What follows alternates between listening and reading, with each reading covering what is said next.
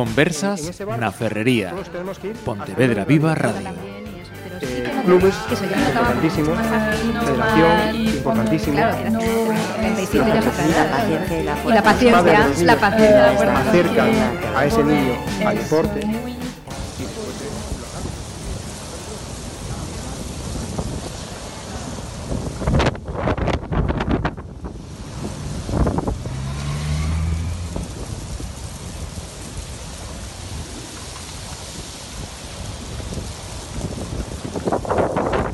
Saludos, eh, tenemos por delante hoy unas conversas na ferrería que hemos eh, planteado eh, a raíz de estos incendios que hemos tenido durante estos tres últimos días, durante el fin de semana.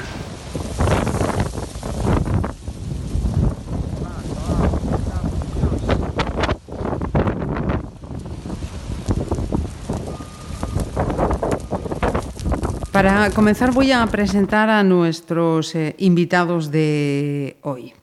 En comunicación telefónica eh, tenemos a Alejandro Oliveros, que es eh, director de Ordenación Forestal de ENCE.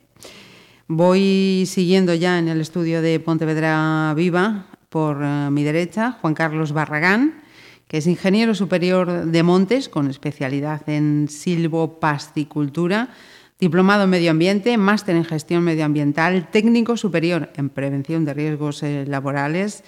Actualmente es director gerente de la empresa Green Environment y una amplia experiencia profesional como adjunto a la dirección del Parque Nacional de Doñana, jefe provincial de extinción de incendios de la Junta, ha trabajado para CEASA, Celulosa de Asturias, jefe de estudios de la Escuela de Capataces Forestales de Lourizán, profesor además de la Escuela Politécnica Superior de Lugo.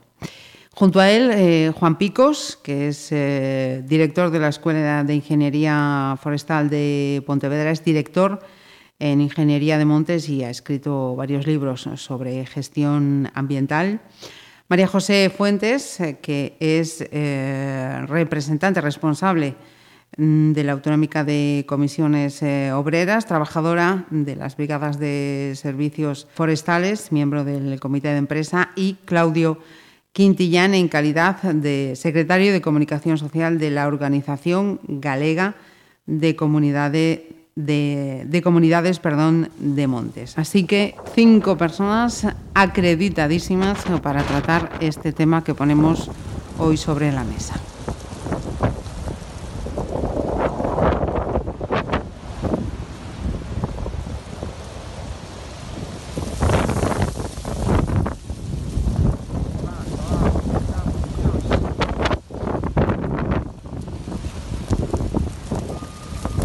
Vamos a comenzar, si os parece, con, dos hashtags que estamos viendo desde el fin de semana continuamente. Ese hashtag Arde Galicia y el hashtag Queman eh, Galicia. Desde luego, el, monte no arde si, si, no lo queman. Y como decía un compañero mío estos días, eh, se puede quemar por, por acción o, o, por omisión. Eh, como modo de introducción, para que comenzáis también a, dar vuestra opinión. Yo estos días me estaba acordando de una frase que había leído a raíz de la oleada de incendios de, de 2006, una, una, frase que recuerdo que era de un responsable de las fuerzas de seguridad y que decía, y es que hay mucha gente en Galicia que vive del fuego. No sé si de ahí puede ser un punto de partida válido para ese queman eh, Galicia. Cualquiera, no esperéis a que yo... Yo, mm, a, riesgo de aventurarme y ser un poco temeraria, yo creo que más bien hay mucha gente que en Galicia Pero... gana mucho dinero con el fuego. No que haya gente en Galicia, eh, no recuerdo ahora justo como dijiste la frase, pero, pero... Hay mucha gente que vive en Galicia. Que vive en Galicia del fuego. Bueno, yo creo que hay mucha gente que en Galicia gana dinero con el fuego, no que viva en Galicia del fuego. Eh, yo creo que mm, intentar buscar ahora mm, responsables, apuntar hacia móviles eh, económicos que nadie tiene demostrados eh, es una temeridad. Yo creo que de eso deben encargarse las fuerzas y cuerpos de seguridad del Estado. Ya en el 2006, a propósito de, de tu cita, hubo una investigación del fiscal especial eh, contra incendios, Luciano Varela, que creo que no es nada sospechoso de, uh -huh, de nada, eh, que determinó que no existía esa trama incendiaria.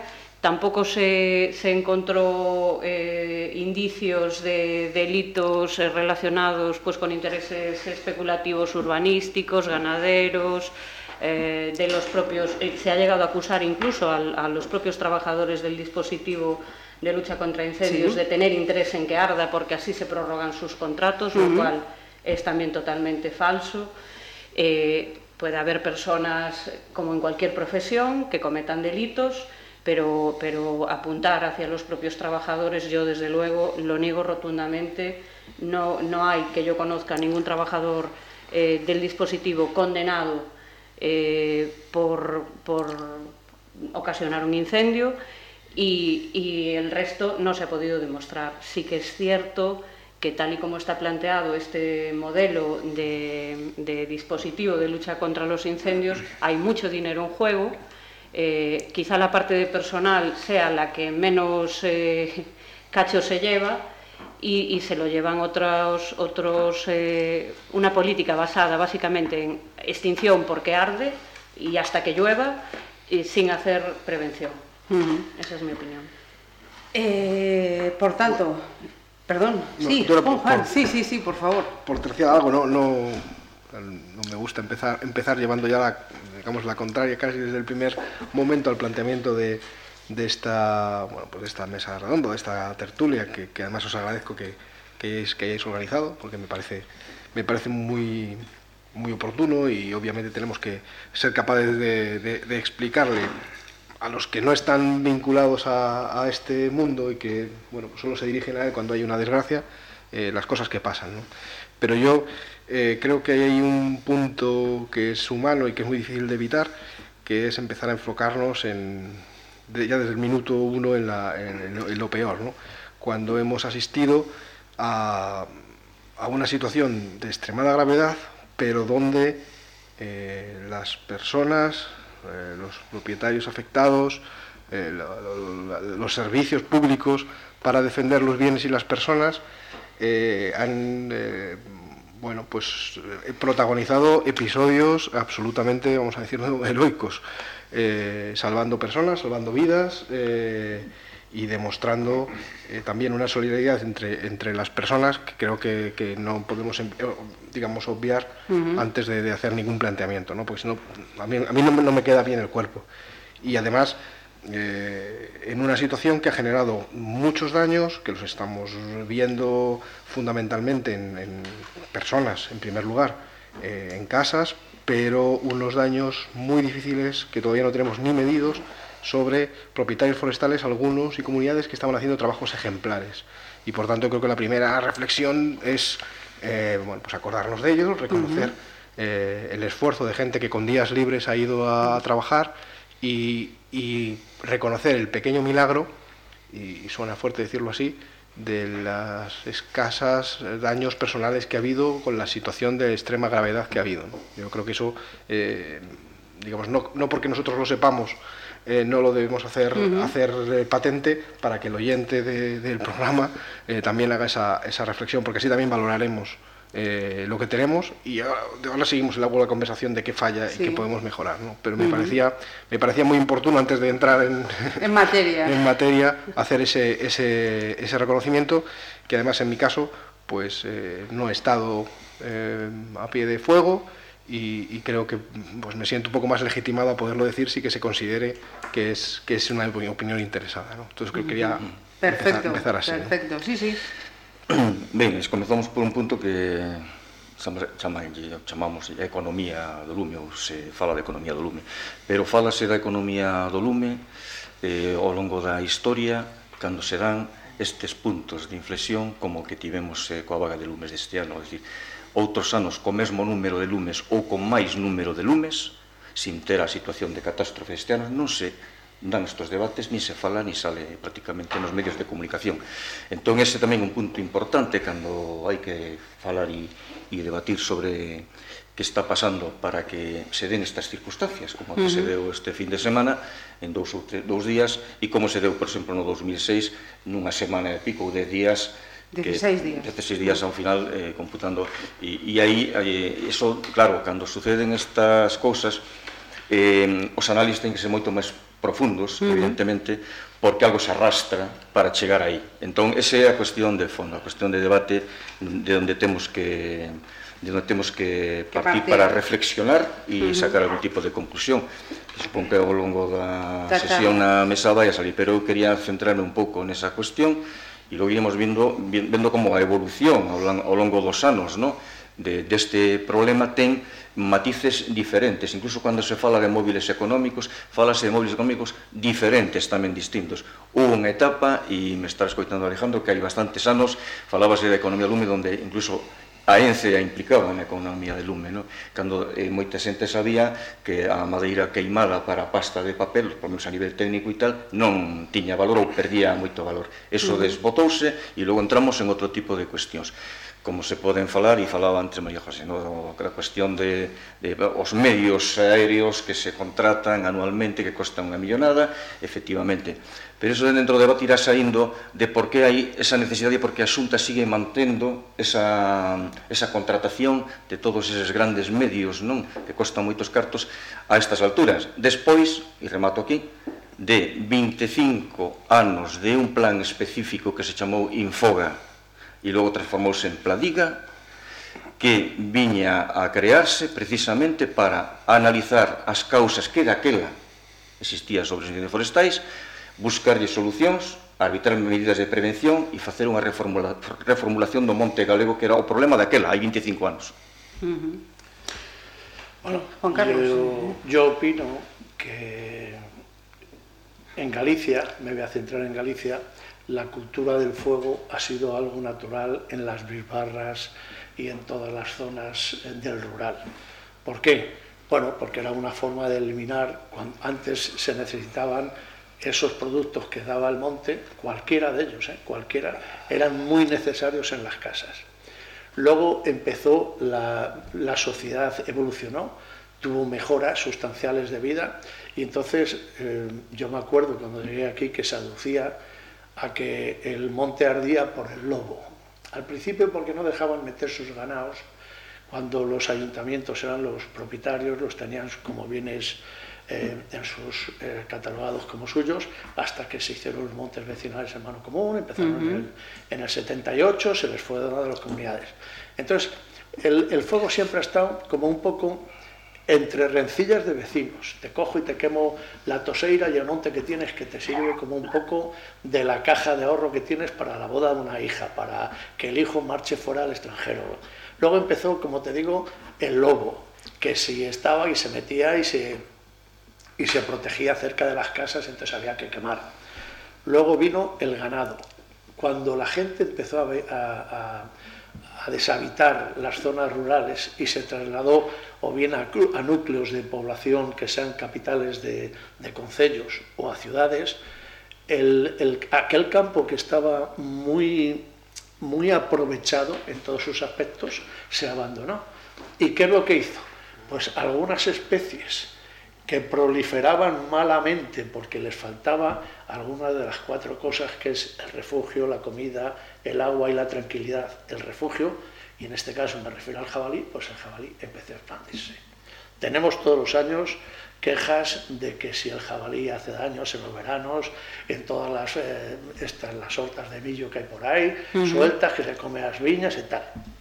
Luego, en el caso de que se pudieran enriquecer la industria maderera, yo no estoy de acuerdo, porque Galicia es la mayor productora de madera de calidad prácticamente de una sola especie, que es el pino gallego, el pino pinaster, el pino español. ¿eh? Eh, es, un, es, un, es un árbol que da muy buena calidad tanto para el desenrollo, tabla, tablilla, tablón, todos los productos que se puede sacar. En el momento que está afectado por un incendio, ya le empiezan si eran árboles sanos, pies sanos, les empiezan ya lo que se llaman las plagas y las enfermedades. Incluso en los momentos de la corta no es lo mismo para un trabajador apear todo un monte de, pinos, vamos a poner, en unas condiciones sanitarias buenas que cuando está afectado por un incendio más o menos intenso. ¿Eso qué es lo que hace ya? Que el valor de la madera en pie baje. Y suele bajar de media un 25%. Si se ha aprovechado y se saca, si la iba a vender para tabla o tablilla o desenrollo, ya no vale. Solamente ahora se estaba usando para molduras de la industria automovilística, para incluso picar como biomasa. O sea, con esto quiero decir que, que yo no veo que haya que, que la gente queme por, por, un, por economía. No, hay otros aspectos que ahora hablaremos y en los cuales sí que hay que incidir. Tú imagínate con el caso del jabalí, en el momento que le llegó la, enfermedad, la misotomatosis al conejo, todo el ocio de los fines de semana de todos los tecores de Galicia se basan en el jabalí y en el zorro cuando termina la caza del jabalí para, Reyes. si tú has quemado un monte, al mismo tiempo que desaparece el vuelo, la vegetación arbustiva y arbórea, desaparece toda la fauna vertebrada que había y que sustentaba y que pastaba allí. Con lo cual tú algo que es muy importante actualmente para la gente, como es el ocio, se lo has quitado. Nadie va a tirar piedras contra su propio tejado en condiciones psíquicas normales. ¿eh? Yo no hablo en algún desequilibrado que lo pueda ver y que lo único que le guste fue el mecherazo. Alejandro. Bueno, pues eh, a mí yo creo lo primero, estoy muy de acuerdo con lo que con lo que exponía Juan. ¿no? Yo creo que hemos sufrido una desgracia tremenda ahora mismo en Galicia, eh, a todos los niveles. Lo primero, por supuesto, las vidas humanas que se ha llevado por delante, eh, que es el, mayor drama. Eh, y todo lo que lo que se ha quemado, las viviendas, todo lo que la gente ha perdido, directamente los que trabajan en el monte, los que invierten en el monte, los que los que pues han, han, sufrido pérdidas de todo tipo. Eh, en fin, yo, yo me parece que es un momento, podemos hablar de, cosas generales sobre los incendios, a mí me parece que es un momento temprano para hacer un análisis, por supuesto, en profundidad de lo que ha pasado en esta ocasión, ¿no? que ha sido tremendo.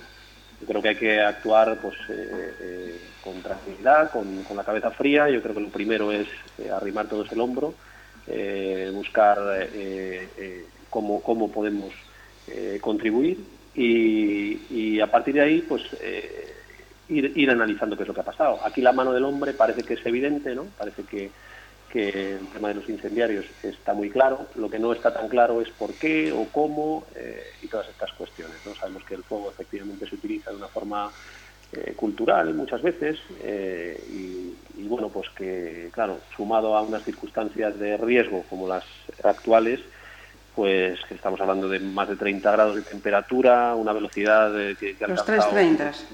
Hora, exactamente, y, una humedad bajísima, ¿no? de 18% de, humedad relativa. Claro, eso, ha generado eh, situaciones muy complicadas. ¿no? A mí me, comentaban, por ejemplo, llamas de, de hasta 5 metros en pastizales. Esto es una cosa pues realmente muy llamativa. ¿no? una, capacidad explosiva tremenda, una velocidad del fuego fortísima. ¿eh? Y, bueno, pues evidentemente estamos ante una situación eh, muy desgraciada, muy grave. Lo primero, la solidaridad con todos los que, los que han, perdido algún... Directamente, exactamente, los que, en fin, eh, y, a partir de ahí, pues oye, yo creo que, lo importante es que nos pongamos todos de acuerdo y trabajemos conjuntamente para, buscar eh, soluciones, esperar que las autoridades también hagan su, su papel en, el, la identificación de los responsables y, el, castigo que proceda, ¿no? Y, bueno, y, esa es mi, perspectiva inicial, ¿no? También, también, por supuesto, el, el, trabajo, que me parece que, que hay que reconocer, el trabajo eh, increíble de, tanta gente, ¿no? de gente de las brigadas, de los bomberos, de, del dispositivo contra incendios y también de toda la gente y vecinos que han estado trabajando en apagar el fuego, ¿no? codo con codo con, con, los que bueno, pues más estaban, estaban sufriendo. Realmente yo creo que eso hay que destacarlo, ¿eh? no, quedarnos solamente en la, en la parte negativa. Eh, decía Claudio, una de las cosas que decías, eh, eh, algo se arrastra desde 2006. Mm. Eh, ¿Con eso te refieres a política forestal, a prevención, a, falta de ayudas en el rural, que también entiendo que es algo de lo que venía a decir eh, Juan Carlos con, con esa despoblación? Mm. Sí, vamos a ver, no, no 2006 o que quedou evidente é que a propagación, porque o problema destos lumes é a propagación eh, que se dá, no? que nestas condicións alcanza dimensións eh, consideráveis. Eh, sempre hubo lumes, pequenos lumes, eh, e hai unha cousa que é moi importante decir, é dicir, mm, nas zonas de onde arrancaron estos grandes lumes, previamente hubo bastantes lumes pequenos. O sea, hai un dato que está aí e o sabe a xunta, porque o ten identificado e o saben os corpos e forzas de seguridade que traballan na investigación. É dicir, se si vamos a ter que en Pontevedra que coñecemos todos del lume de Sallar que chega a Catoira, que pregunten a Consella Midrural cantos incendios arrancaron de Sallar nos últimos tres anos. Non digo para atrás porque para atrás está. E o ano pasado un incendio que arrancou dese mesmo punto e chegou por a dirección do vento a Vila García. Mm. Este ano arrancou do mesmo punto e chegou a Catoira. Pero Entón, hai que falar de que é o que está pasando aí. Xa temos eh, eh, indicios de que algo se está movendo aí porque hai unha reiteración en lumes pequenos que cando ven unhas circunstancias como as deste ano, eso ten un efecto multiplicador. O do Valmiñor de Gondomar que chega a Vigo e chega, como hizo o alcalde Caballero eh, da PEA que haya unha banda, ou dice incluso o comisario de Policía de Vigo, que tentela, ¿no? que unha banda pues, por toda a Gran Vía metendo lume cando eran as pavesas e as musicas ardendo que viñan do incendio de Zamás de... tal. Bueno, un solo lume chega hasta aí, pero que pasaba en Gondomar? Pois o mesmo que ensayar previamente, hai unha zona de actividade incendiaria, o último en abril deste ano con 20 hectáreas, e este ano chegou, pois, a non sei quantos miles ou tal, ou non está sin cuantificar iso, non? Pero que arrancan do mesmo sitio. O que chega a Cotobade, eh, pasando por Ponte Caldelas, eh, Fornelos, Pazos, uh -huh. trae a mesma traxectoria desde Ponteareas. De onde arranca? De Padróns. Padróns son a parroquia de Ponteareas con un índice de actividade incendiaria enorme. O ano pasado, onde se iniciou este gran lume, xa houbera outro de 500 hectáreas. En plan, vamos, poño estos datos sobre a mesa, porque foron os grandes lumes que tivemos aquí. É dicir, houve unas neves, houve un solveter e tal. Hai unha actividade previa incendiaria en catro, porque son catro lugares que dá pé a esta catástrofe, alguén terá que responder aí e dicir, en todos estes anos tendo actividade, haberá informes, porque eu sei positivamente que hai equipos de investigación de incendios da Policía Autonómica, escrita Autonomía, da Garda Civil de Serprona, a investigación de causas de incendios, e logo dentro do medio rural hai asentes forestais adicados a investigación de incendios. Todos os informes que fan, además casi obligatorio de cada incendio que se produce, van a Fiscalía.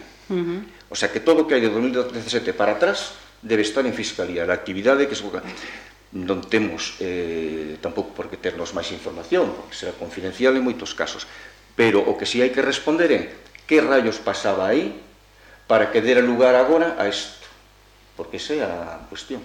Entón, por lo tanto, aí eh, hai un, un, un punto en donde a Consellería e, e a Xunta se teñen que, que implicar para darlle eh, para dar unha solución e unha contestación tamén a iso. E co respecto do 2006, porque me, me fun por esta sí, banda, sí, nada, creo que era nada. importante deixala clara, é que no 2006 quedouse, ou quedamos todos, incluída a administración e tal, que había que sentarse e, e falar de unha nova ordenación do espazo monte, porque viña dun modelo de desorden e de caos absoluto con unha continuidade de masas e non vamos entrar en pirófitas, non pirófitas das que se le chama así, sino que vamos entrar en unha continuidade de hectáreas e hectáreas dunha especie determinada ou de matogueira, me dá igual, etc, etc, e, e, e é, é proclive a que, en caso incluso dun accidente, dun rayo, a que provoque unha, unha catástrofe. O monte ten que ter un... E logo das vivendas, pois esa é outra.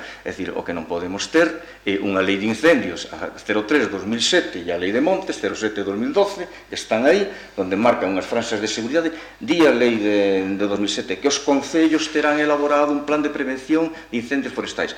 Quero saber cantos concellos de Galiza teñen plan de prevención de incendios forestais, se o ten Pontevedra, se o ten Marín, se o ten Pollo, aquí digo nesta comarca. Entón, uh -huh. hai moito que falar aí. Uh -huh. eh, yo hablando de, os remitís constantemente al año 2006. Mirando las estadísticas que refleja el Pladiga del 2017 de la Junta de Galicia, pues hay una cadencia entre 5 o 6 años, que es cuando ha tenido más virulencia en número de incendios y más virulencia en superficie quemada, pero no rasa, sino incluso arbolada, coincidentes con años de seca. O sea, lo que con esto quiero decir es que hay unas coincidencias como ha ocurrido este fin de semana y que veníamos arrastrando desde el mes de julio, porque en junio llovió, que es, hay unas condiciones meteorológicas que ya saben que es, es posible y factible hacer daño al monte dándole lumbre. ¿Quién? No lo sé. Uh -huh. Y no lo voy a decir porque eso son de las cuestiones de, de, otras cuestiones que no entran en, en, dentro de, de, vamos de mi entendimiento pero lo que sí está eh, eh, evidente es que mirando las estadísticas ardió mucho en el 2006 ardió mucho en el 2011 volvió a arder mucho en el 2016 este año ha sido excepcional porque es que además coincidió yo estuve en el incendio de las nieves y de los evacuaron el pueblo y yo por salvar los coches y la, y la, casa, me quedé allí y tuve la suerte de que lo estoy contando.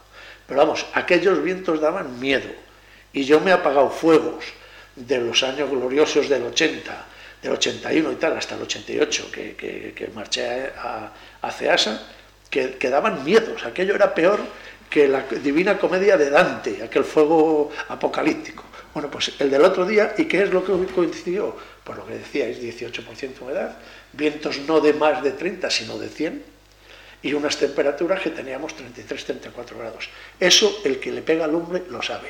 No el, el esquizofrénico y que es un enfermo que le da todos los días porque le gusta ver venir al, al Bambi como echa agua. ¿eh? Entonces, hay una coincidencia. Y para que estas coincidencias no se repitan, y ya os cedo la palabra, yo me remito al Pladiga de este año. El Pladiga de este año, donde dice Oseto, ¿eh? eh, vou ler en galego, prever a estrutura organizativa e os procedimentos para a prevención, detección, extinción e investigación de incendios forestais según as épocas de perigo. Bien, la palabra prevención, y me leí ayer el Pladiga entero, 165 páginas, la dice tres veces. Y de las tres veces que la menciona, me voy a cuando fue presentado el plan Pradiga de este año uh -huh. por la señora consellera y su, y su director general, en la cual dice que los objetivos eran que no ardiese este año más de 15.000 hectáreas y que la totalidad de los fuegos, descontando los conatos, no pasaran de 556. Este fin de semana hemos tenido 200, que es prácticamente el 50%, y si empezamos a evaluar todos los concellos que han ardido, yo sé de tres o cuatro, en las nieves de los 5.300 hectáreas que tiene, ardieron 4.900. O sea, quiero decirte que eh, no lo quieren decir, es una cifra que la Administración no quiere decir porque les debería de dar vergüenza. Y tomar ejemplo de Portugal, que ha dimitido la ministra. ¿eh? Y viendo este nuestro objetivo, pero además alardeando, este es muy previsor y tal y cual, yo os digo que solamente en un fin de semana se les ha machacado. ¿Por qué? Porque en cuanto al presupuesto aplicable para esto, de los 173 millones, esto está documentado. ¿eh? Sí, sí, sí. Las dos terceras partes son para extinción 115 y de esos 115, 110 para extinción y 5 para prevención. Lo que se llamaba, que nos enseñaban en las escuelas, que es la, la ordenación del material combustible Lo que ocurre en Galicia es que no hay una política forestal definida. Es una política que lleva 20 años que la implantaron. Hemos alardeado que se la hemos vendido a otras comunidades de nuestro mismo signo político porque los otros no la aceptan y vemos que año tras año la que nos salva es la Santísima Virgen de las Nieves, cada vez que hay un incendio. Porque tú no puedes gastarte 110 millones en apagar y 5 en prevenir. ¿Por qué no cambiamos un año y probamos eh, las cantidades? Y ordenamos ese combustible, lo eliminamos durante nueve meses en el invierno los mismos estómagos agradecidos que trabajan como brigadistas van a tener las mismas peonadas, los mismos jornales y el mismo régimen, pero lo que están es allí y están todo el invierno. Y en el verano, pues con un equipo profesional que llegarían los helipuertos estos, el helicóptero con dos brigadas. esa, es, mi opinión. ¿eh? Entonces coincide, y, y acabo, la meteorología y la poca previsión de la administración. Bueno, yo, ah, bueno, perdona.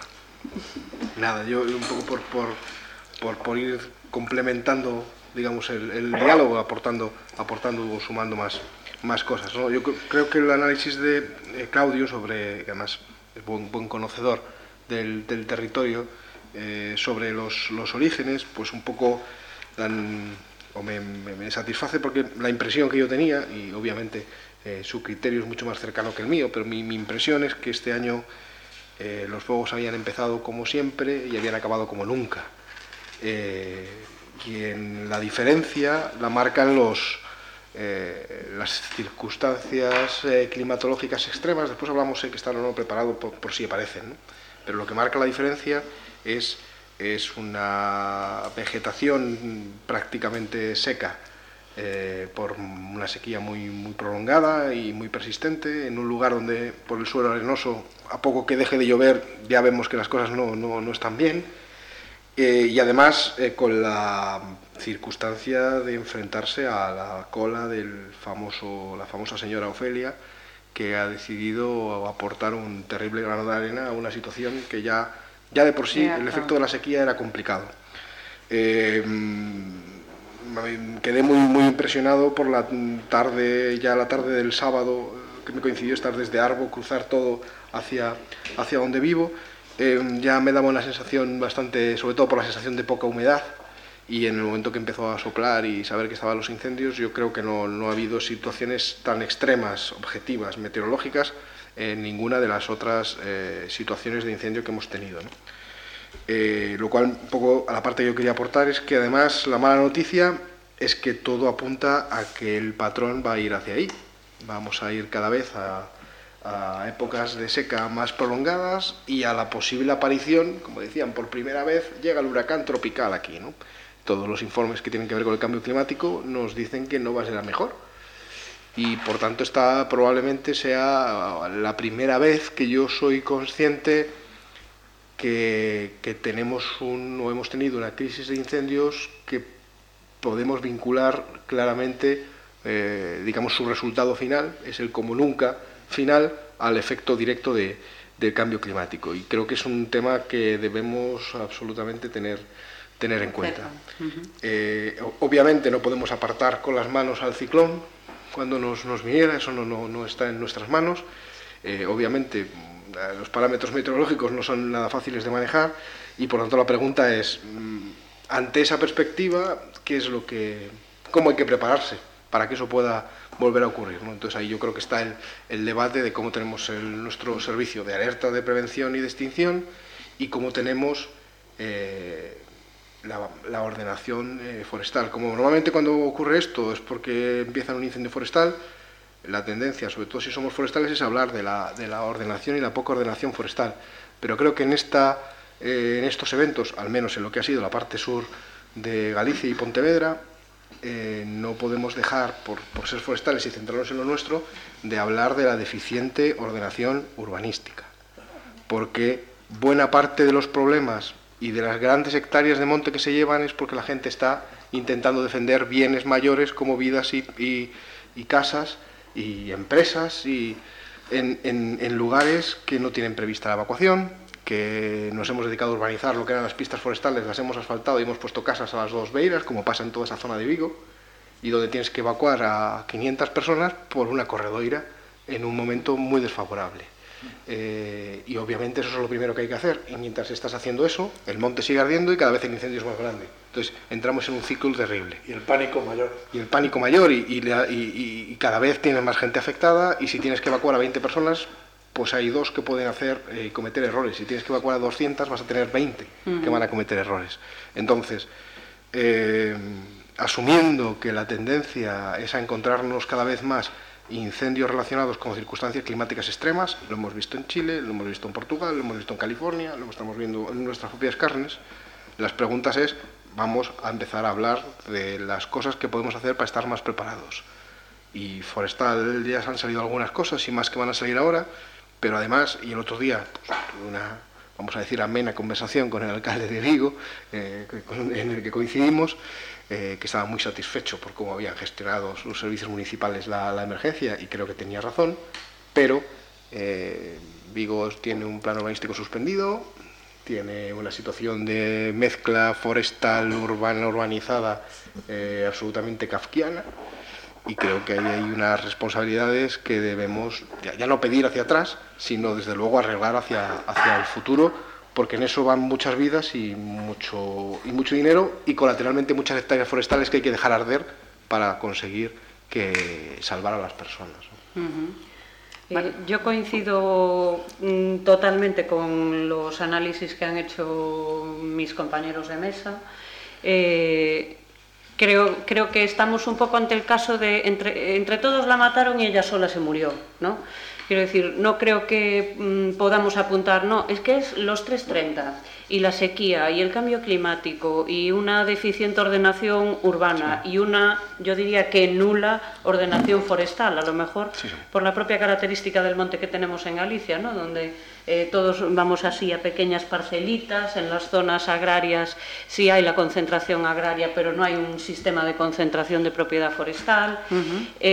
Lo que creo también eh, que todas estas sumas, eh, hay cosas que no podemos evitar. Efectivamente no podemos evitar que se den los 330 o que venga la cola del huracán Ofelia cuando nunca ha llegado. Pero hay otras muchas cosas que sí podemos evitar. Y sobre todo hay mucha gente que debía haberlas evitado. No evitado, mm, pero sí prevenirlas. Y no se ha hecho. No hemos aprendido nada. Yo la impresión que me llevo es que no hemos aprendido nada desde el año 2006. No se ha cambiado, no se ha invertido efectivamente ni el presupuesto de la extinción ni el de la prevención.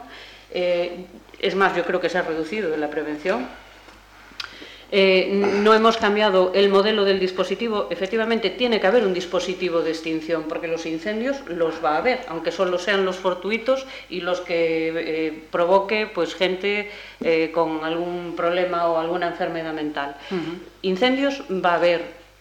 Mm, ahora, hay que tomar medidas y hay que exigir responsabilidades. No podemos, yo lamento no coincidir con Alejandro de, sí, efectivamente, ahora en este momento toca arrimar el hombro, creo que lo hemos arrimado todos, lo ha arrimado eh, efectivamente todos los gallegos y gallegas eh, del rural, del urbano, porque esta vez eh, los incendios han llegado a áreas metropolitanas y áreas con una densidad de población fuerte y todos hemos visto imágenes de vecinos con cubos de agua.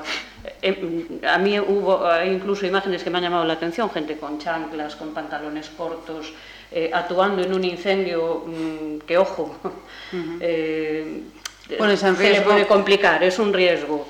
Eh, entonces, creo que hay una gente que tenía la responsabilidad y que nos, y, que nos han prometido, porque sí que es cierto que en el 2006 eh, gobernaba un signo político y el que está gobernando ahora estaba en la oposición y yo creo que eh, todos recordamos promesas.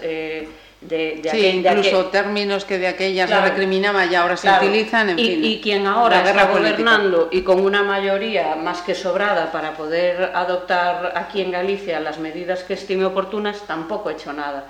Creo, coincido con, Juan, Carlos.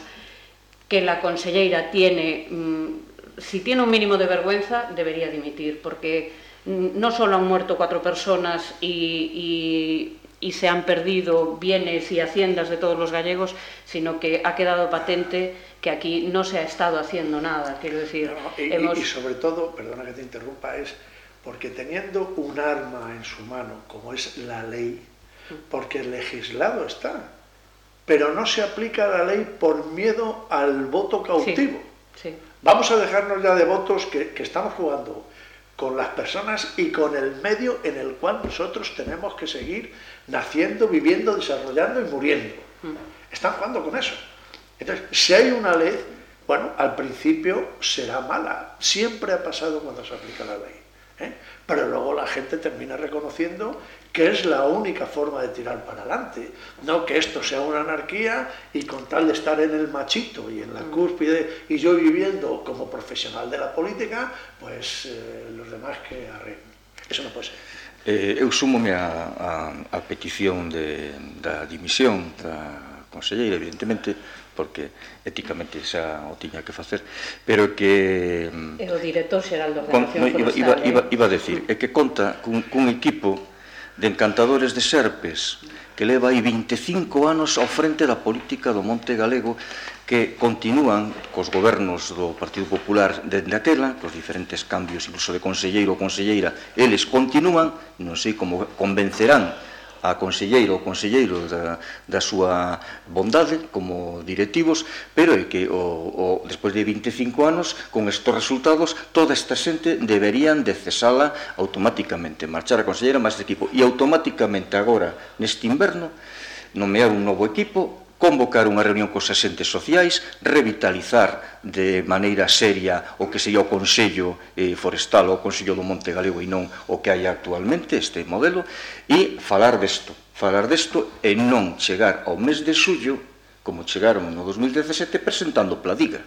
Oiga, é que se me presentas o plan de defensa contra incendios forestais no mes de xullo eh, con quen o consensuache, con quen falaches, con que, e logo ainda por enriba te dedicas a pura extinción coas condicións que temos, que sería outra cuestión a falar, cos, había que falar dos medios humanos destinados á extinción. Uh -huh non podes enviar a, a, a un primeiro ataque a un lume deste calibre unha brigada con dúas personas de cinco o mellor que tiñan que ir porque tres están de baixa ou non sei que non cubre esas vacantes.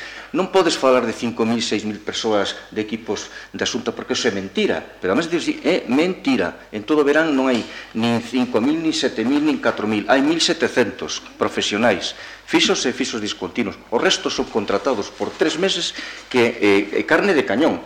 Tres meses contratar a 5.000 persoas polos concellos con un cursillo de 20 horas. Eso dende o punto de vista de todo, a eficacia da seguridade do personal, etc., eso é o, o, o peor que, que, que te podes plantexar. No? Por tanto, deberían de eh, xuntarse eh, agora os asentes sociais, un cambio rotundo de directivo, o cese da conselleira e poñerse agora de aquí a fin de ano empezar a marcar as bases dunha nova política do monte. Mm. Alejandro, no sé si habías... Sí. Eh, por favor. Yo quería, sí, yo, quería, yo quería hacer algunos comentarios, ¿no? Bueno, en primer lugar, eh, estoy de acuerdo con María José en que no debemos ni mucho menos resignarnos a decir, bueno, es que vamos a tener que vivir con que nos peguen fuego, ¿no?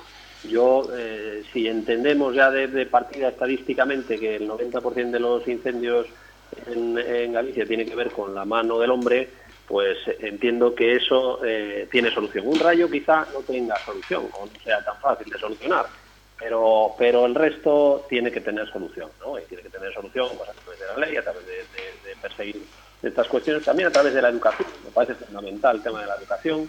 No solo de la educación a nivel de, decir, oiga, el fuego es muy peligroso, no, no no, no se puede utilizar de cualquier manera ¿eh? y de hecho mm, yo no sé hay en torno a 300.000 eh, por ejemplo 300.000 permisos de quemas controladas todos los años ¿no? que, que, parece que es un riesgo que probablemente sea innecesario o que se podría eh, eh evitar ¿no? Se puede aprovechar a lo mejor para energía no lo sé se puede evitar eso se puede evitar pero sobre todo me parece que, que que es muy importante, primero esto, que tengamos en cuenta que, eh, no, que no demos por, por hecho que, bueno, que como hay incendiarios, pues nos tenemos que fastidiar, ¿no? Yo creo que esto hay que solucionarlo, lo primero, ¿no? Esto lo primero. Luego, en cuanto a las políticas de extinción y prevención, eh, yo hay, una cuestión que, vamos, desde luego está claro, todos entendemos que precisamente con estos riesgos climáticos, eh, aunque te puedan surgir, que es muy importante el número de focos que te surjan, ¿no? Para poder atender, no, pero evidentemente yo creo que todos somos conscientes de que es necesario un, eh, unos efectivos potentes de, de, extinción, ¿no? Todos estamos de acuerdo en que se necesita muchísima prevención. Pero yo aquí voy a incidir en la prevención, prevención eh, particular, ¿no? O sea, el 98% del monte en Galicia está en manos particulares, ¿no?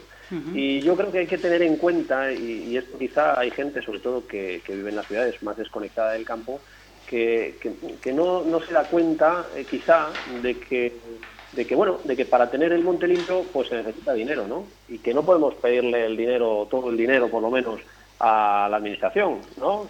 Entonces, es muy importante que la gente entienda que eh, el monte produce muchísimo valor, muchísimo valor. Valores, hay, hay valores que, todo el mundo percibe, valores naturales, valores de ocio, valores de recreo, y hay valores económicos también importantísimos, ¿no?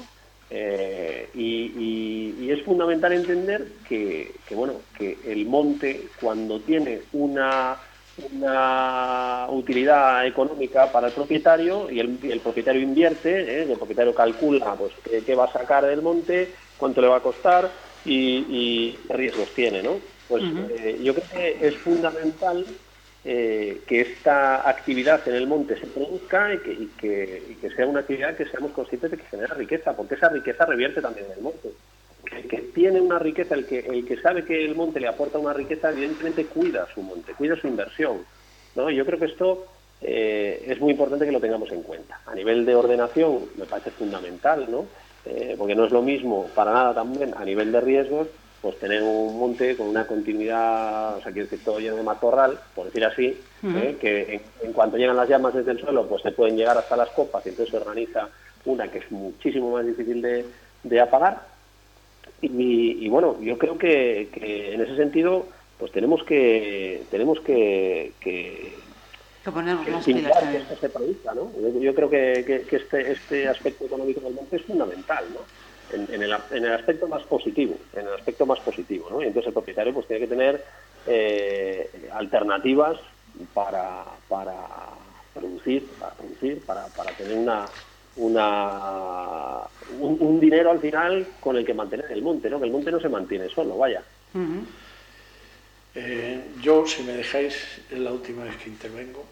Eh, la dirección general el, el Pladiga dice que tiene un servicio o un gabinete o un departamento de estadística que por lo que yo veo lo único que hace es recepcionar de los distritos planimetrado o georreferenciado las zonas donde ha habido incendios, las trasladan, suman hectáreas dicen, y este año, 2017, han ardido 74.000, que son las que van a arder.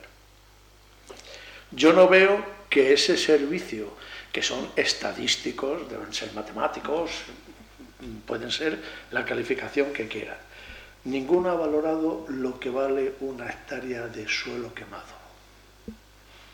Nadie, nadie valora eh, la pérdida, que es lo que yo me anotado aquí, de los beneficios directos e indirectos que supone quemar una hectárea de monte.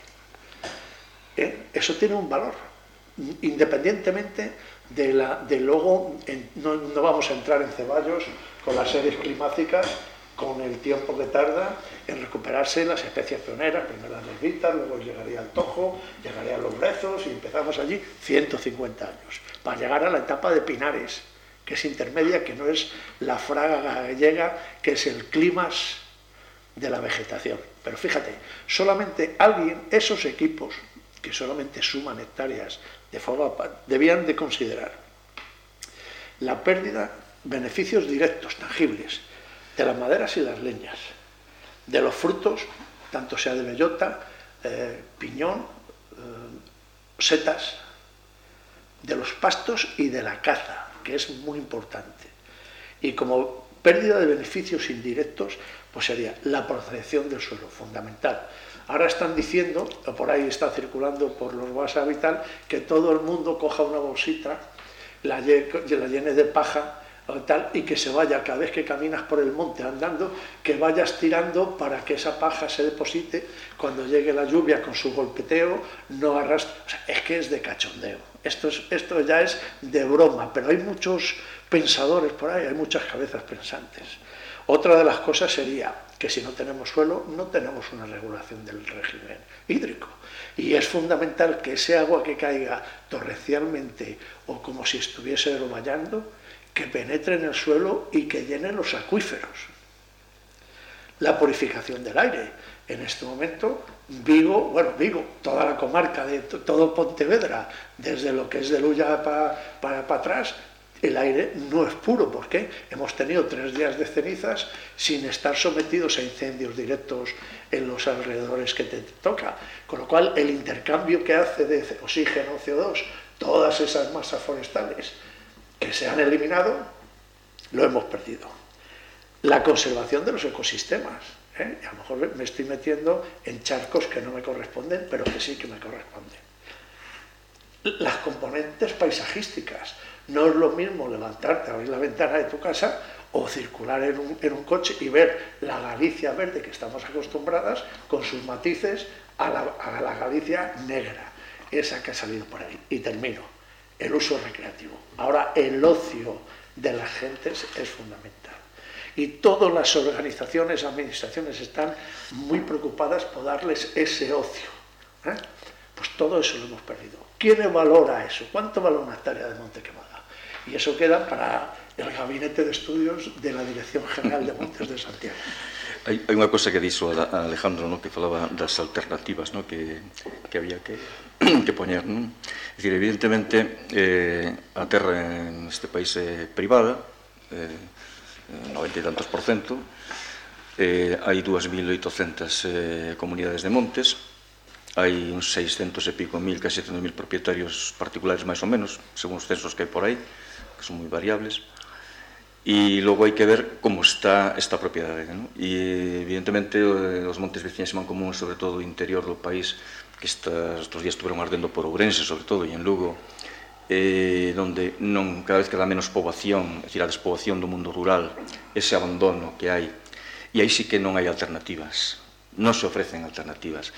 Eh, Hai un problema serio de valorización do territorio. Eso que tanto, a mes, non me gusta últimamente falar moito deso, pero eso da palabras de a posta en valor del monte, a posta en valor do monte.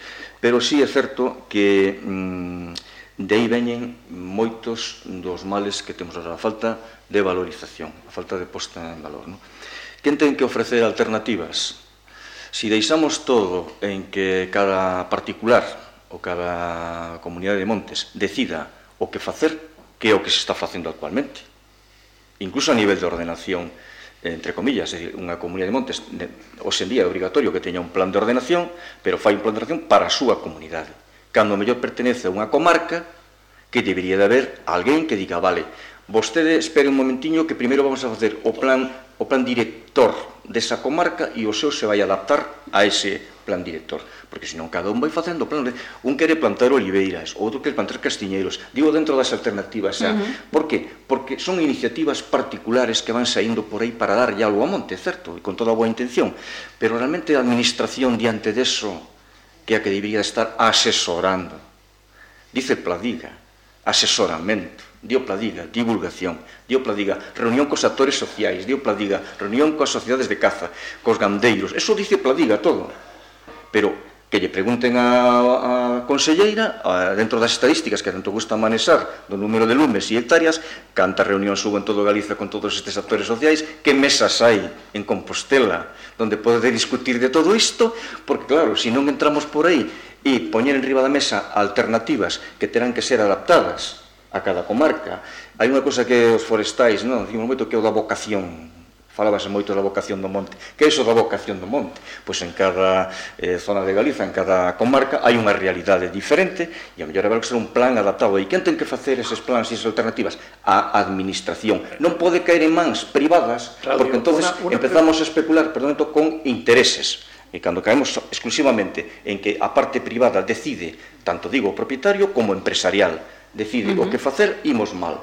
Ten que haber un deseño de, da administración de que, por exemplo, falando de producións, que producir, como producir, que tipo de especies, onde se poden dar, e iso está sin facer. Claro, cando foi a última vez que se convocaron oposiciones a funcionarios de carrera de la Xunta, del grupo A e B? Pois, no mellor aí 10 anos ou así, ou 12 ou máis. 10 ou 12. Sí. Lo que sí que tipo, desde ese tiempo, sean 10, 8, 15, de ese tiempo aquí, los funcionarios nuevos que entran se nutren de las listas de funcionarios interinos. Sí. Bien, ¿qué mérito, qué conocimientos, aparte de que tengan la titulación, tienen esos funcionarios a los que tú has aludido de la Administración para hacer eso que es tan complejo, que son planes de ordenaciones comarcales o regionales o tal? ¿Cómo puede un chaval y no lo digo ni por la edad, sino porque yo he sido como ellos también, ¿eh? con un curso de 20 horas de incendios, ser técnico de incendios en un distrito. Si es que, si es que mm, eso es lo que está pasando, que esta administración eh, mm, está saliendo a golpe de, de, de uña de caballo eh, de, de, todos los atolladeros en los, en los que está. Y, y, eso lo tiene muy fácil, si es que es así. Y perdona que eh, perdón. Yo solo quería, sí. si, si es posible, si, eh, me gustaría simplemente eh, comentar aquí una cuestión que me parece muy importante. ¿no? O sea, yo creo que efectivamente eh, el, el, la Administración tiene una función importante de asesorar. Eh, ahora bien, en cuanto a decirle al propietario lo que tiene que plantar, esto ya es otra cosa muy diferente, ¿no? Porque en el fondo eso Además del potencial que tenga el terreno para alguna cuestión, lógicamente hay unas necesidades de la sociedad y hay una hay, un bueno pues hay un mercado, ¿no? Aquí hay una oferta y hay una demanda. Entonces eh, es importante, al final el propietario eh, arriesga su dinero, que lo cobrará dentro de por lo menos en el caso del eucalipto, pues 12, 15 años, que en, el caso de otras especies, pues más adelante, y está arriesgando eh, con, con pues oye, un, dinero, una inversión que, que, no, que es importante y que hay que respetar, ¿no? Y, y lo está haciendo en función de la expectativa que tiene, eh, pero también de valor de eso que está produciendo, ¿no? Sea lo que sea, puede ser ocio, ¿eh? Puede ser eh, el valor que produzca. Uh -huh. Entonces, yo creo que ahí es muy importante y hay que respetar la, la, autonomía del propietario. O sea, una cosa que me parece clave es decir, oiga, este terreno es apto para todas estas cuestiones, ¿eh? Y otra cosa es decir, hay que producir no sé cuánto de no sé qué. ¿no? Yo creo que ahí eh, es donde, o sea, yo creo que ahí que, el, la generación de alternativas tiene mucho que ver entre la conexión de, la identificación de las necesidades por parte de los propietarios. Y en esto hay que ayudarlos, efectivamente, y, y tenemos que tener mucho contacto entre los propietarios y las empresas también, que los intereses son perfectamente lícitos, porque al fin y al cabo los intereses privados también están eh, eh, satisfaciendo unas necesidades de la sociedad y no otra cosa, eh, y, y, y, hay que conectar al propietario para que tenga visión para ser capaz, para poder arriesgarse de la mejor manera posible eh, en su inversión, ¿no? Porque, uh -huh. oye, al final está metiendo el dinero eh, y está arriesgando sus cuartos, ¿no? Eh, sí, creo que María José o Juan queríais bueno, sí. de decir algo. Bueno, vamos a ver ahí eh, al hilo de lo que de lo que decía de lo que decía Claudio, creo que ahí una cosa se nos se nos olvida eh, que realmente tenemos tenemos esas, esos deberes ya puestos, ¿no? La ley de 2012 y, y la ley del Estado ya lo ya lo preveía de una manera más más amplia, pero la Comunidad Autónoma de Galicia en su ley de montes establece la figura de los planes de ordenación forestal, planes de distrito en el, cada uno de los 19 distritos forestales se debe realizar un plan en el cual se establecen eh, restricciones, regulaciones, análisis del territorio, etcétera. Lo que pasa es que la ley es de 2012 y todavía no hemos hecho el primero. Uh -huh. Creo que eso es una herramienta eh, utilísima que daría el marco, independientemente de, de un cierto respeto a la, a la iniciativa y, y, inversión de propietarios y, y comunidades, se daría un marco eh, organizativo o estructural a determinadas áreas y además permitiendo la, analizar la diversidad de, de, las mismas. Estos fuegos que hemos tenido de este fin de semana, pues obviamente lo que estaba ocurriendo en Cervantes no tenía nada que ver, eh, salvo eh, el componente térmico, es decir, lo único que había común era el fuego, todo lo demás era, absolutamente distinto. Y creo que eso es, es importante. Y como se ha hablado del uso social, eh, pues voy a poner el ejemplo de, estos lunes que estuve recorriendo los, los montes del contorno del campus de, Vigo, eh, muy afectados. Bueno, pues me encontré en un monte donde la comunidad ha sido ejemplar, ha hecho un trabajo abriendo ese monte al uso social de los vigueses, porque prácticamente Vigo, eh, digamos, no tiene más allá que los montes para generar ese ocio y las playas en verano, pero digamos es, el lugar donde es el esparcimiento de la ciudad entera, abren el monte, generan infraestructuras, caminos, sendas, y bueno, pues allí me encontré con, con una pareja que venía a hacer bicicleta y viéndonos allí eh, ver el monte quemado. Qué pena, hay que ver con lo bonito que estaba esto y las veces que veníamos y lo bien que lo hemos pasado en este monte.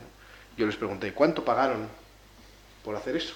¿Cuánto, ¿Cuánto es el dinero que ustedes han pagado por llevar años disfrutando de este, de este monte de naturaleza privada que la comunidad ha abierto y, ah, no, no, esto no, nos veníamos aquí siempre que lo hemos necesitado y hemos tenido el esparcimiento siempre que lo hemos querido sin pagar eh, un solo euro. ¿no? Eh, bueno, la, siguiente respuesta es decir, bueno, pues ahora espero que el resto de los vigueses como ustedes que vienen a hacer esto apoyen económicamente a las comunidades que tienen que recuperar ese monte ahora ya no digo lo que haga o no la Junta, independientemente de lo que se pueda hacer, pero ustedes como usuarios, como gente que se ha estado beneficiando durante años de un ocio que en otro sitio les cobrarían la entrada por, por, pagar, creo que ahora es el momento de hacer ese apoyo. Entonces, ahí eso daba un poco idea de la, de, la, de la disonancia entre a veces la percepción de la sociedad mucho más moderna y urbanizada, que está pidiéndole unos servicios que luego asume que no tendría por qué retribuir, eh, aunque cuando hace el razonamiento se da, se da cuenta. ¿no? Entonces creo que ahí tenemos una oportunidad por intentar encontrar también aspectos positivos para explorar, eh, digamos, sobre todo en las áreas más urbanas donde ha sucedido esto, ese tipo de fórmulas, donde al final eh, la gente entiende que, debe pagar por entrar a un partido de fútbol, pero no entiende que debe pagar por recorrer cuatro kilómetros de senda, que alguien está manteniendo esos caminos y está haciendo prevención y está manteniendo trabajadores en el monte. Entonces yo creo que ahí hay, hay un camino que también con didáctica y eso, aprovechando que ahora mismo la, sociedad está pidiendo también soluciones, creo que hay una parte que se debe implicar, independientemente de todo lo que ya se ha hablado aquí en la mesa, de exigir a los que nos gobiernan y a los que nos administran diligencia en determinados ámbitos, creo que de otro lado la sociedad civil tiene que ser suficientemente madura para afrontar soluciones que en otros países existen y donde bueno pues pues tenemos mucho que explorar y mucho y mucho que ganar. Eh, Alejandro, creo me ha parecido escucharte. No, no, estaba ah, diciendo que buenísimo. He dicho, no, no, he dicho buenísimo cuando ha dicho Juan. Ah, vale, vale. este, o sea, me parece que es fundamental eh, esta, desde el punto de vista, incluso si queréis, educativo, ¿no? O sea, a mí me parece muy importante que, que la gente comprenda que el monte tiene muchísimo valor, muchísimo valor, pero que ese valor no sale de la nada. O sea, quiero decir, que ese valor cuesta dinero también, ¿no? Para tenerlo, eh, el monte limpio, el monte en condiciones, el monte ordenado, para, para defenderlo de, los juegos eh, cuesta dinero. ¿no? Entonces, eh, esto es, es, muy importante relacionarlo, ¿no? porque a veces parece que no, parece que el dinero es un componente accesorio, eh, incluso a veces negativo ¿no? de, esta cuestión, y, es una cosa que está ahí y que es fundamental entenderla. María José, te llevábamos ahí. Sí, yo em, creo que Además de, todas estas, eh, ahora hablaba Juan Carlos de cuánto tiempo hace que no se convocan oposiciones para el grupo A1 o A2 del personal funcionario que se encarga de este, de este dispositivo y, o, o, que debería de encargarse de hacer esta ordenación forestal y planes y, y líneas de ayudas. Mm, decía Alejandro también que no se le puede decir a un propietario, oye, no, es que, es que tienes que plantar esto, o, efectivamente la propiedad privada conlleva unos derechos eh, sobre, sobre aquello que es de tu propiedad. Y es cierto que a lo mejor no le puedes decir a un propietario, mm, tienes que plantar eh, carballos y castaños, y, pero sí que se puede incentivar un cultivo, sí que se puede desincentivar un determinado uso.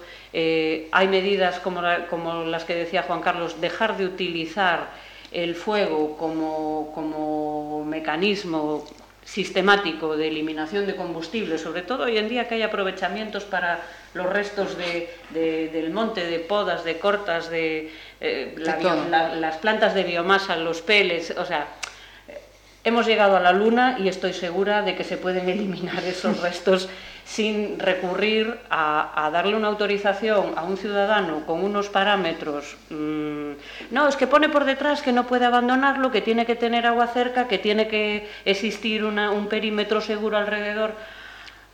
Al final la gente no le da la vuelta al permiso. La gente lo que ve, tengo permiso para quemar tal día en tal finca. Y quiero eliminar este combustible y quiero sacármelo de encima y cuanto antes a propósito de lo de las eh, oposiciones, eh, yo creo que otra de las cosas que no se han solucionado y en, las cuales no se ha hecho nada más que precarizar desde el año 2006 ha sido precisamente la estructura del dispositivo que trabaja en la extinción y que debería de trabajar en la prevención también. ¿no? Eh, Mm, el, único proceso selectivo que ha habido eh, respecto al personal laboral, que es el personal de campo, es el personal que está a pie de incendio junto con los agentes forestales y los, y los técnicos, eh, es del año 2003. Se tomó posesión en el año 2005 y estamos en el año 2017. Mm, si se prevé una promoción interna escasa de 30 plazas para alguna categoría, y digo la más numerosa, para este año y a ver cuándo sale la libre. Por lo demás, se ha procedido a atomizar, a fraccionar.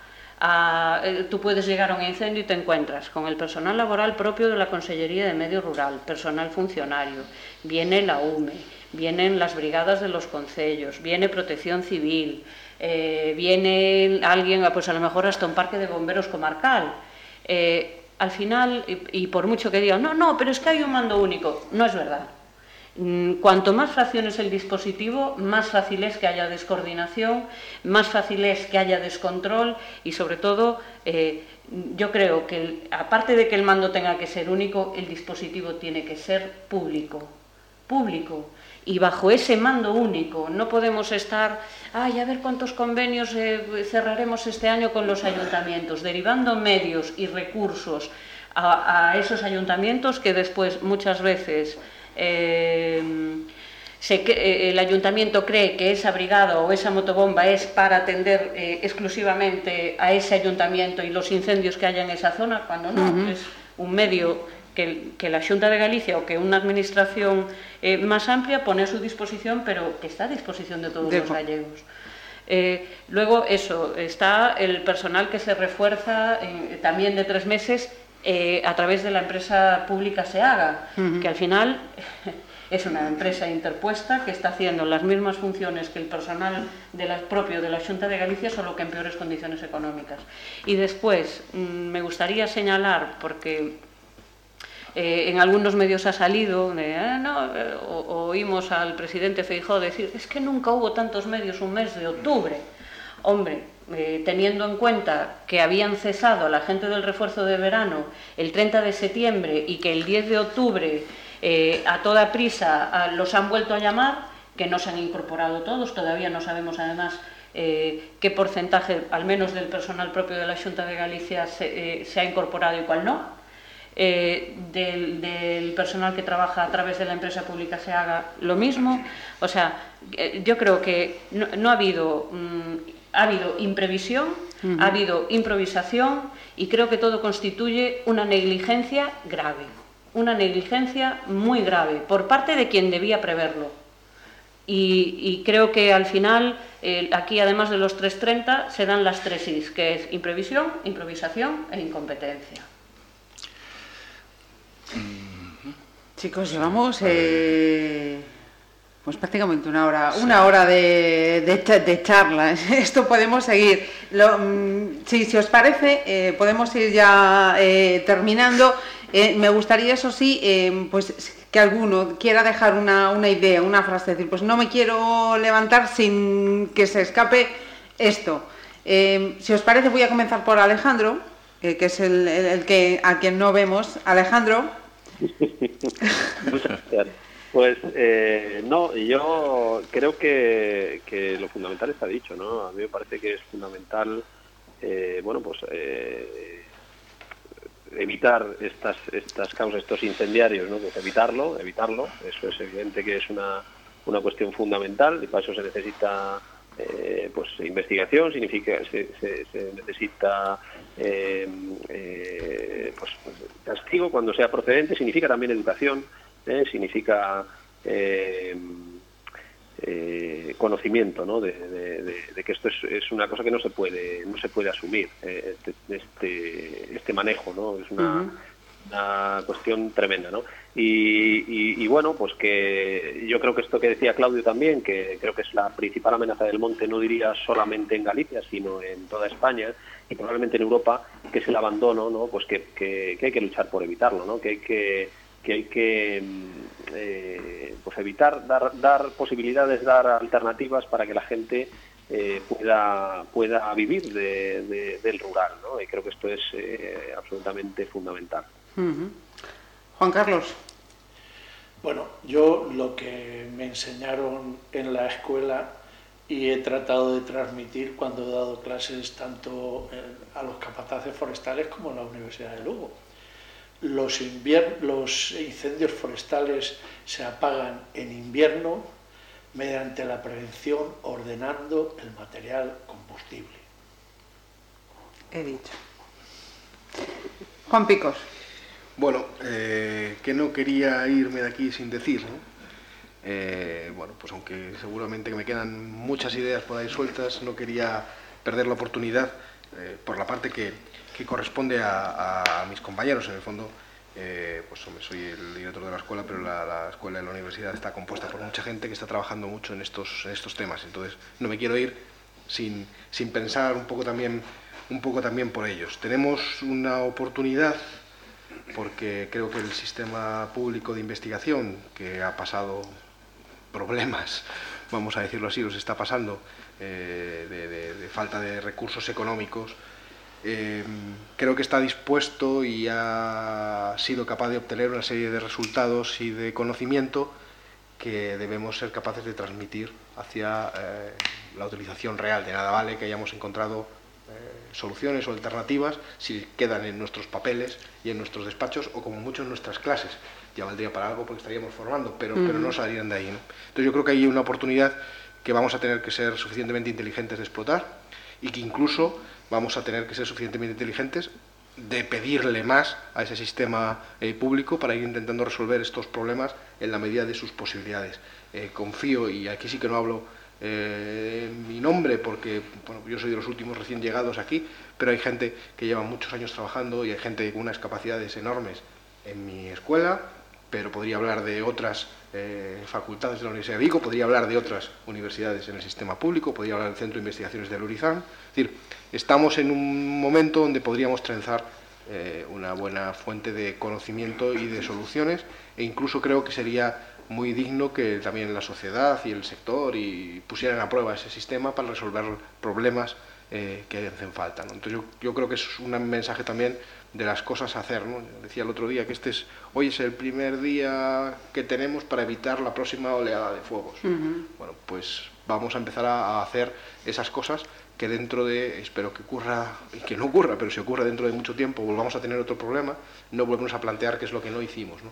Desde el punto de vista de la Universidad de Vigo y de la Escuela de Ingeniería Forestal, eh, estamos comprometidos con, con ello y, bueno, pues eso, no me quería, no me quería escapar eh, sin decirlo. También por, por, por, dar otro colofón, ya pensando un poco más en amplio, eh, tenemos una suerte de vivir en un lugar donde la productividad forestal y agrícola es alta eso no le pasa a todo el mundo. Tenemos, tenemos la suerte de, vivir aquí. Pero tenemos que intentar poner todos esos medios para que, para que esa fortuna de que aquí la vegetación crezca mucho no acabe siendo nuestra calamidad. Eh, digamos, porque eso es lo peor que te puede pasar. Tener algo bueno y que eso bueno sea lo que te, lo que te afecte.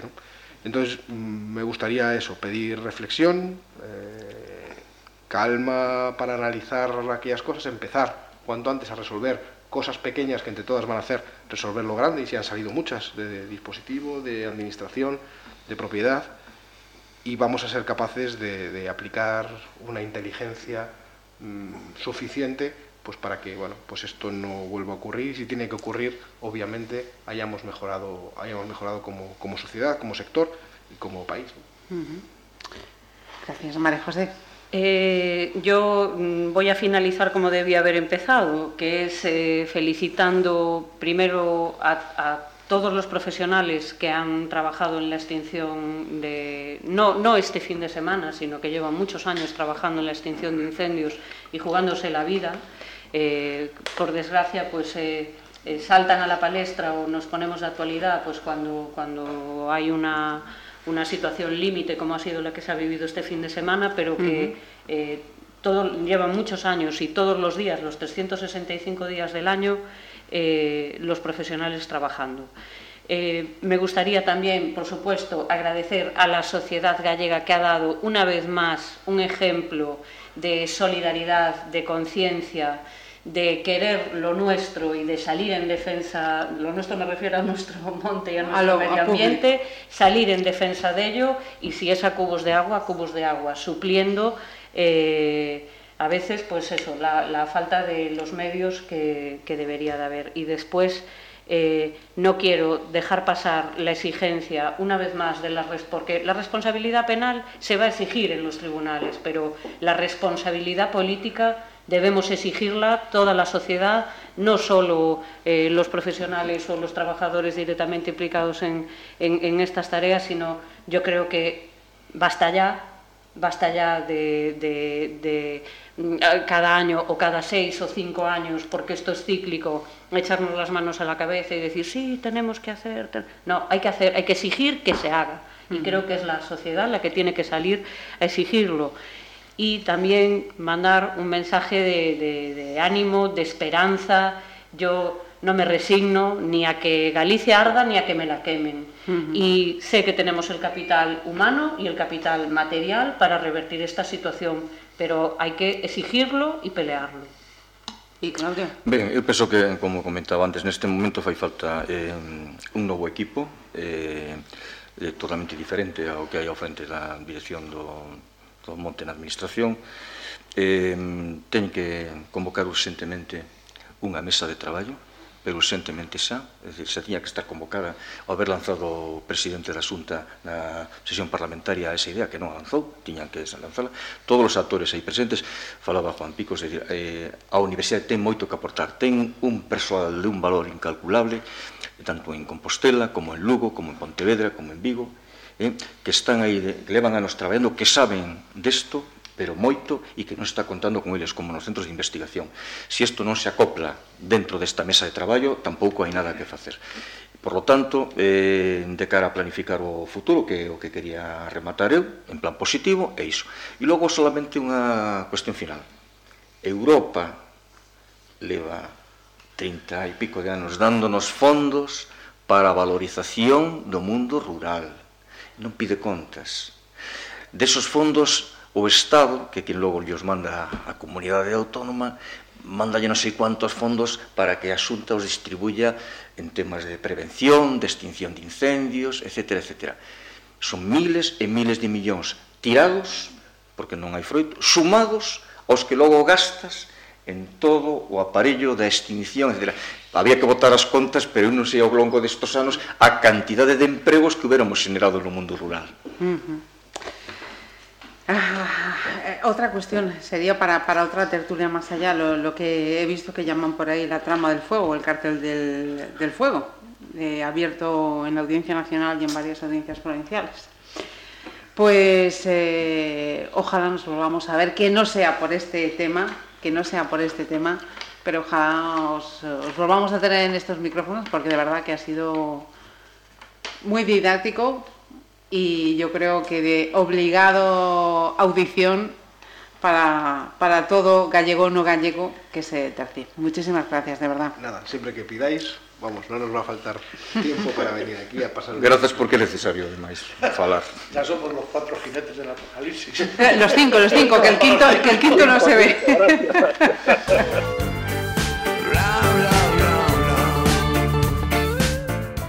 Conversas na ferrería. Pontevedra Viva Radio.